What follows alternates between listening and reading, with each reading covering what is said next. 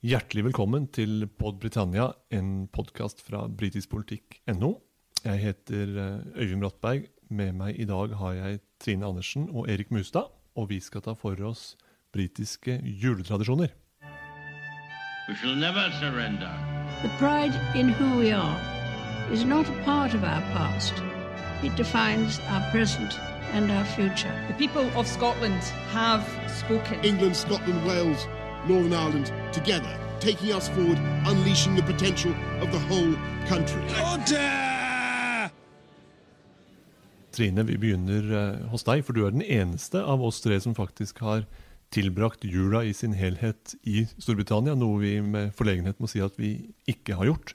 I hvilken ende ville du begynne hvis du skal hva skal man si, kaste et skråblikk på, på britisk jul? Hva, hva falt deg for øye som mest interessant første gang du var på britisk jord i jula?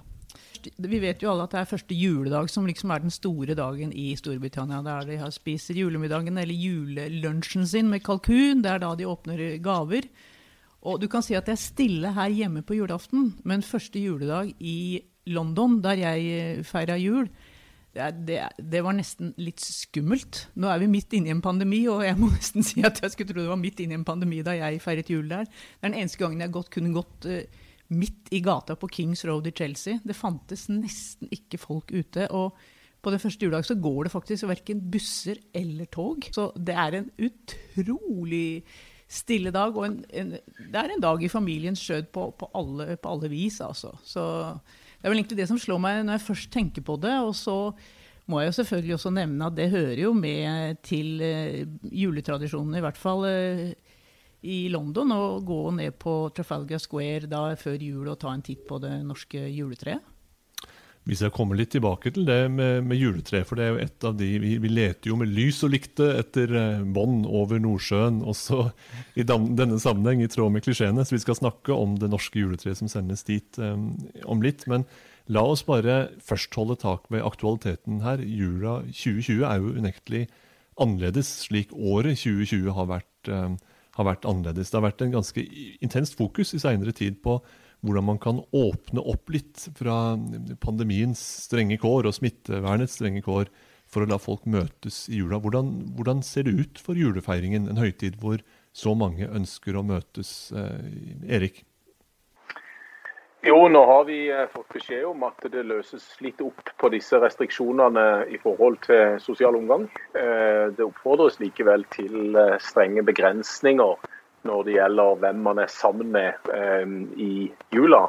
Eh, men det er nå åpna for at eh, man kan reise hjem hvis man er student eller bor andre steder i Storbritannia enn det som man kaller hjemme. Og at man kan være sammen med familien i jula. Familie er jo gjerne stikkordet for jula som, som høytid. Da er vel i denne sammenheng spørsmålet om hvorvidt familien kan kan tøyes, hvor, i hvor stor grad familie kan bli til slekt. Dette er kanskje en jul hvor Bridget Jones ikke ville møtt Darcy i, i reinsdyrgenser, for den festen ville vel vært for stor til at man kunne tillate innenfor uh, årets rammer. Men reinsdyrgenser har de sikkert på seg uansett, eh, Øyvind. Disse genserne de er jo ganske fantasifulle. Genserne kan tas i bruk uh, med, med, ymse julemotiver også i sma, en smalere sosial kontekst. Det må vi, det må vi gå ut ifra. Men, Men du, ja? Men jeg bare tenkte litt, dette her med det som e- Erik er inne på, at det blir jo mye færre folk i juleselskapene i år. Det har jo faktisk skapt et problem også for de som eh, driver med kalkun. For de har faktisk måttet slanke kalkunene sine i år. For de kan jo ikke ha så store kalkuner nå når det er mindre familieselskaper. Så det er de underligste ting som da oppstår pga. dette her. Det blir tynnere kalkuner, og, og man unngår en overopphopning av restemat julehøytida gjennom. Det er eh, det er vel noe kanskje norske ribbeprodusenter må, må forholde seg til også dette, dette, merkelige året. Men det leder oss jo over på, på julemat og hva som, hva som, da følger. Og den grunnleggende tanken om at første juledag er dagen over alle dager, det er jo allerede noe som, som nordmenn må ta, ta, stilling til og ta, ta høyde for. Og julemåltidet når det kommer første juledag, hva, omfatter det, Trine, hvis du skal uh, gjøre en, en, rask oppramsing av kjernen? Ja, De aller fleste spiser jo da kalkun med all the trimmings, som det heter på engelsk. Og De putter jo også forskjellige ting inn i denne kalkunen. Denne stuffingen varierer jo veldig da fra familie til familie. Jeg tror nok veldig mange har sin egen familieoppskrift der. Så eh, det er liksom ikke det store skillet, sånn som vi ser her i, i Norge, at noen spiser pinnekjøtt og andre spiser eh, ribbe. Det, er, det, dominerende er kalkun. Men du kan sikkert Erik supplere meg litt. Jeg tror han er bedre på mat enn meg. Så kan han kanskje supplere litt mer hva, som er, eh, hva, hva, hva de har til kalkunen? Det ser bare sånn ut at det er bedre på mat. Men, eh, men eh, det, det, som da selvfølgelig jeg må slå et slag for i tillegg til kalkunen, det, det er, jo, er, jo, desserten. Altså det vi kaller Christmas pudding. Oh, yeah. Som er en plum pudding, som, som, ofte består av brødsmuler, tørka frukt, sukker selvfølgelig, appelsiner. Den flamberes ofte etter tradisjonene i konjakk, serveres med vaniljesaus. Og så har vi jo da kaffen Christmas cake. og de har jeg fått mange av fra Storbritannia, som har ligget nedgravd i haven kanskje fra sommeren Eh, i et lite rom under jorda for å bli eh, gode og, og fyldige av fruktige sauser. Uh, og, og, de er veldig, veldig gode av disse Christmas cakene, hvis du spiser i moderate mengder, Trine. ikke sant? Ja, og tunge, ikke sant? Det er de som gir overvekt på fly når du drar hjem fra julehandelen? Ja, de er veldig tunge, og, og, men, men de, er, de, er, rike på smak uh, og kan være gode i, i små mengder. Men, men, de er selvfølgelig også også veldig, eh, veldig mektige hvis man eh, inntar en, en, Christmas cake etter Christmas pudding og kalkunen, eller gåsen, som, som, veldig mange har også. Det er mange som har gås i Storbritannia på, på første. Ja da, det er jo det.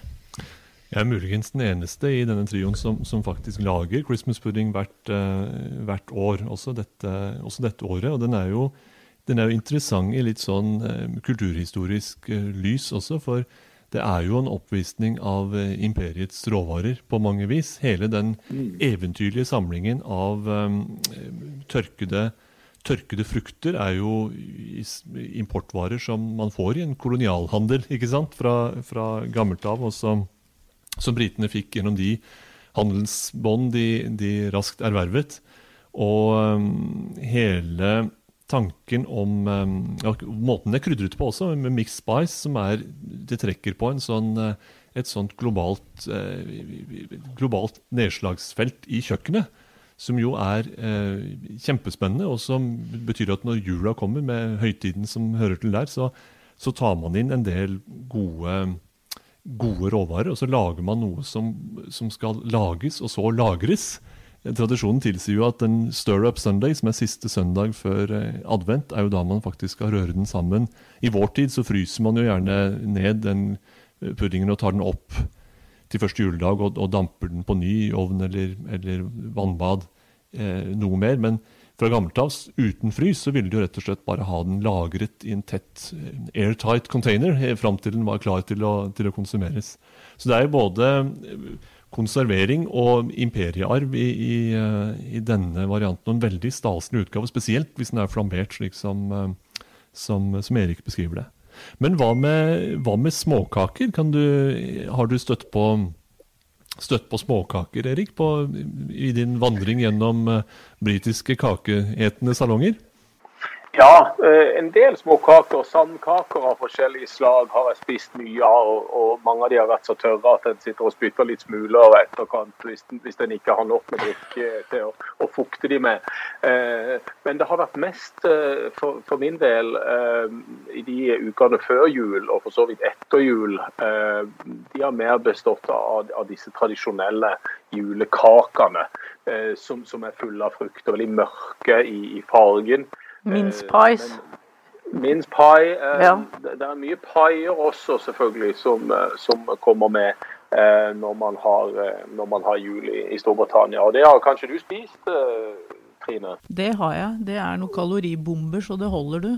Ja, ja. Det, dette er jo vanlig mat for, for veldig mange i, i jula. Men, men, det er også veldig tungt. Og veldig mye av dette britiske er jo veldig tungt. Eh, I den grad det norske så veldig lett. Men, men det, er, det, er, tung kost, eh, mye av dette her. Og jeg husker ett år da hadde jeg Christmas cake, eh, tok opp og ned av frysen. og i juli, eh, halvåret etter, så måtte jeg rett og slett bare gjøre meg av med det siste. For da orker vi ikke mer.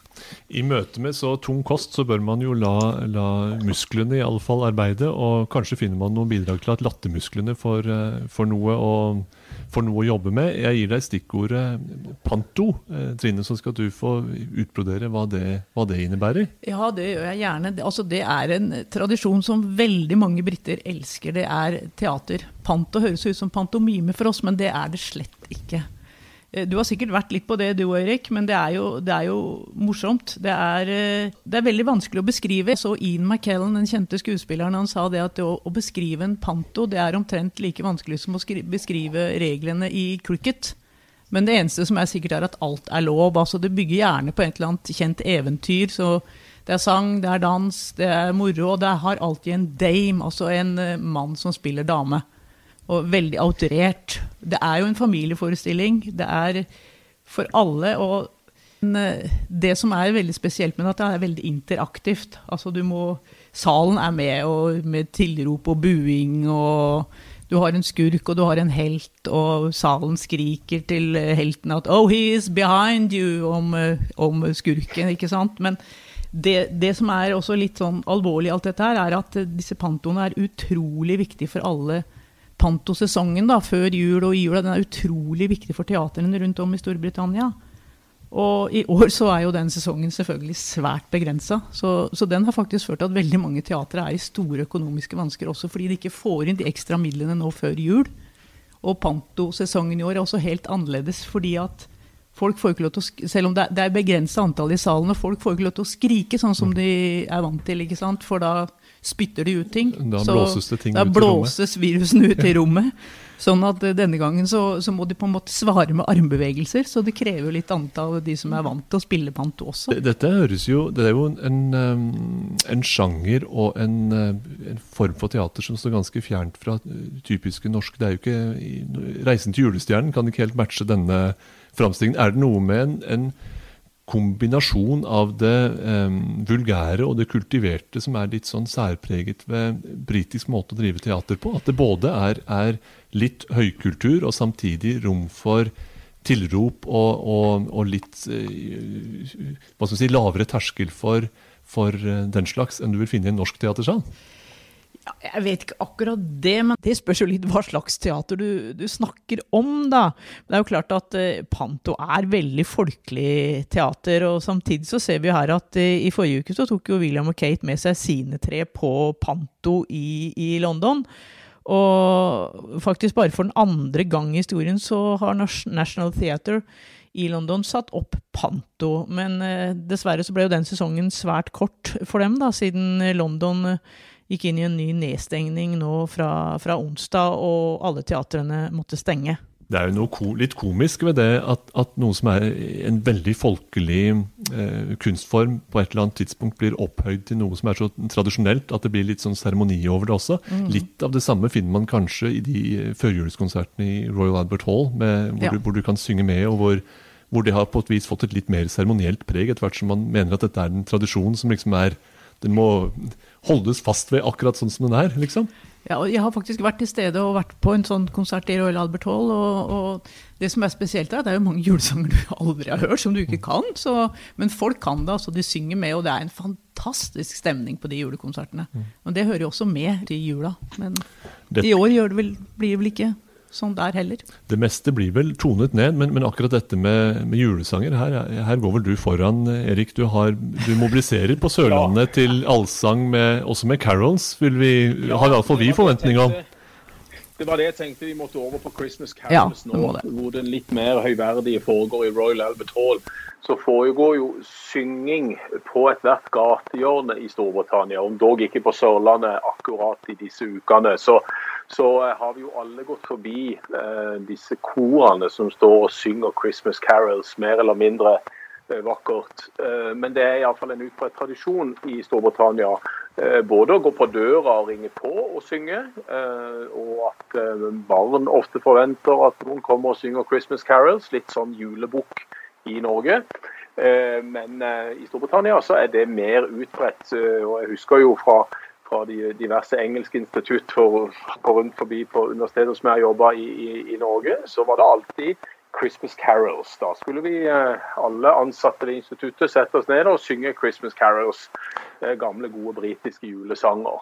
Hvordan har, selv, hvordan har, du selv, opplevd rollen som forsanger? Har det vært noe som har gitt deg Du føler det har gitt deg noe tilbake? Ja, jeg føler vel kanskje at det var det som vekka interessen for Storbritannia i sin tid. At jeg kunne få lov å være som ung gutt eh, før stemmeskiftet en forsanger i, eh, i disse julesangtradisjonene. Og eh, om det er fugler som sitter i pæretreet eller hva det er for noe, så, så har det festa seg godt i min kropp før jul. altså. Da har det. Vil det si at du kan gi oss en sang her og nå, Erik? Nei, jeg tror ikke det. Nå er jeg jo kommet i stemmeskifter vel så det. Eh, så, eh, så, nå eh, tror jeg ikke de høye tonene henger veldig godt igjen i, i klangen. Men, men, det er iallfall en, en veldig viktig tradisjon i Storbritannia, dette med Christmas Carol. Har du noen favoritt, eller? Nei, jeg har egentlig ikke det, altså. Men jeg, jeg, jeg syns det kan være OK hvis det er folk som er gode til å synge og kommer rundt et gatehjørne i fine pynta uh, gater i, uh, i eh, førjuls-Storbritannia, så, så, kan jeg sette pris på å stå og høre på, på noen julesanger, faktisk. Og det, det, er en fin tradisjon. Du, jeg kom plutselig på at vi glemte vel én ting når det gjelder tradisjoner på, på første juledag. Det er jo å høre dronningens tale. Det, det, må vi vel litt innom. Vi skulle jo svinge inn mot, mot uh, kongefamiliens, uh, kongefamilien som del av, av, høytiden. Og det er jo et interessant poeng at, at dronningens tale holdes i forbindelse med, med, med, jula, til forskjell fra de nyttårstaler som ellers er, er gjengs både for uh, statsoverhoder og, og regjeringssjefer. Um, kanskje du vil utdype litt dronningens tale og det som, som et årlig ritual, Trine? Ja, altså Hun holder jo denne talen da første juledag klokka tre britisk tid, altså klokka fire norsk tid. Og da sitter jo familien samlet foran TV. Jeg husker jeg var der selv, så, så satt jeg og så på dronningens tale. Så eh, det er jo Jeg vet ikke hvordan det er i år, men eh, vi, vi, jeg er i hvert fall helt sikker på at dronningen kommer til å holde tale, men den kommer vel til å skje fra Windsor. Castle, for det er jo der hun og, og Philip skal feire jul i år. For første gang på over 30 år så skal de jo ikke til Sandringham. Så det blir jo en helt mm. annerledes jul for de, for de kongelige også i, i, år? Det er et annerledes år også, også der. Den, selve talen er jo en, er en, er en kort, uh, kort, affære, men det er jo en utrolig viktig tradisjonsbærer, um, og noe som, som, skal kunne samle nasjonen. Det er en interessant anekdote, eller artig anekdote der at, at uh, Jeremy Corbyn, som, som partileder i, i Labour, slet jo med å overtale noen som helst om at han hadde troen på kongedømme så vel som andre tradisjoner. Så han ble vel avslørt der i at han ikke egentlig visste når på dagen den eh, Han pleide vel å si noe sånt som at radioen pleier å stå på den når dronningen taler, og antydet at det var på morgenen, var det vel? I hvert fall tok han helt feil av tidspunktet hvor denne talen normalt eh, holdes. Ikke bare normalt, alltid holdes, er jo, er jo summen av det. Um, noe som er Ja, Erik? Egentlig bare gå videre til, til andre dager. Hvorfor heter det Boxing Day? Det er det veldig mange som lurer på. Og jeg har fått veldig mye spørsmål om det også i år. Hvorfor heter det Boxing Day? Det må vi snakke litt om. Det er vel noe med en, en, en liten presang i en, i en, boks, da. Men du med dine, dine sterke tradisjoner innen carolsynging kan vel best svare, svare på det spørsmålet selv, tror jeg? Det har kanskje ikke noe med boksing å gjøre? Nei, det har ingenting med boksing å gjøre. Og det vi kan si først er jo at Dette er sportens store dag i Storbritannia. Ja, fordi at En del av, av juletradisjonene er jo også uh, fotball, mm. spesielt i England, men også i, i Skottland, Wales og i Nord-Irland. Dog i litt mindre uh, omfang enn i England. Uh, så, så, er det også veldig mange andre sportsbegivenheter på andre juledag, altså Boxing Day. Men disse boksene, det er litt forskjellige teorier. Og jeg tror faktisk man ikke har samla seg om én forklaring på Boxing Day. Det ene var jo at barn gikk ut og samla gaver i bokser. Spesielt barn fra lavere klasselag som hadde dårlig råd. Eh, og at de fikk en slags almisse eh, og samla dette i bokser. En annen forklaring var at eh, tjenerskapet fikk bokser med gaver. Fra, fra de litt bedre stilte som de jobba for på de forskjellige herregårdene og godsene rundt forbi i gamle Storbritannia. Eh, sånn at det ble satt ned bokser med gaver til, til tjenerskapet. Eh, en annen teori er at disse boksene inneholdt mat, altså rester fra julemiddagen, som da eh, arbeiderne fikk. De ble satt utenfor kirker. Og Der var det da mat oppi, sånn at folk som da var dårligere stilt og kanskje ikke hadde råd til, til julemat, kunne smake noen smuler fra de rikes bord. Så det er, det er mange teorier om, om, om dette. og det, det, mest sannsynlige, sier iallfall kildene våre her, at det er barn som, som har gått rundt og samla inn gaver i, i små bokser og ofte penger i disse små boksene, og så har man gitt dette til veldedige formål. Så, så Day er en variert da i, i Storbritannia, men uh, det er veldig mange som lurer på, uh, og det staves jo BOX. Uh, og um, det er jo da boks og ikke boksing, som Trine sier, som, som, som er opprinnelsen til, til denne andre dagen. Selve, eh, Det var ypperlig, eh, ypperlig utlegning om uh, tradisjonens opphav, Erik. og Det, det viser jo, helt med, med Boxing Day, om sportsbegivenhetene og tilhørende eh, ting som skjer, viser jo at fra julehelgen så går det jo i full fart over i en slags hverdag igjen. og Jula i Storbritannia er en intens og ganske også kortvarig affære. Så er man, man går inn i den, og så er det første juledag fremfor alt. Og så er det noen tilhørende tradisjoner, og vips er du over i, i, hverdagen igjen. I den hverdagen så skal man beundre et norsk juletre på Trafalgar Square. Det har vi ikke snakket um, mye om, men det juletreet står nå der. Og kanskje, kanskje, Trine, du avslutningsvis vil si noe om det norske juletreets bidrag til um, britisk jul? Ja, det er jo Det er da vel kanskje som de fleste vet, en takk eh, fra, for hjelpen eh, vi fikk under krigen. Og nå er det vel en tradisjon at eh, den britiske ambassadøren også er med og feller det. Så at Richard Wood var med og, og felte det i år sammen med ordføreren i, i Oslo. Med et egnet etternavn til formålet? Ja, Wood, ja. Absolutt. Men det pleier jo ofte å være, være en sånn stor seanse når dette juletreet tennes med taler, og ofte er det kongelige som tenner det. Jeg har vært til stede en gang da kronprinsesse Mette-Marit tente det. Men i år så var det altså en digital tenning av juletre. Det blir jo ikke helt det samme. Og vi har jo også sett uh, mange år her at uh, disse trærne har blitt uh, ja, det, de er gjenstand for stor oppmerksomhet, for er de ikke pene, så, så blir det store oppslag i, i britiske aviser om det. Det er viktig tror jeg, for londonerne at dette, dette treet står på Trafalgar Square. Og det er jo også veldig mange andre steder i Storbritannia som får juletrær fra Norge. Med disse utlegningene om eh, en norsk takk sendt over eh, Nordsjøen, så ønsker vi alle våre lyttere en riktig god og fredfylt jul. Og så måtte vi gå et eh, fenomenalt og fremgangsrikt 2021 i møte, for å bruke de rette ord. We shall never surrender. The pride in who we are is not a part of our past. It defines our present and our future. The people of Scotland have spoken. England, Scotland, Wales, Northern Ireland, together, taking us forward, unleashing the potential of the whole country. Order!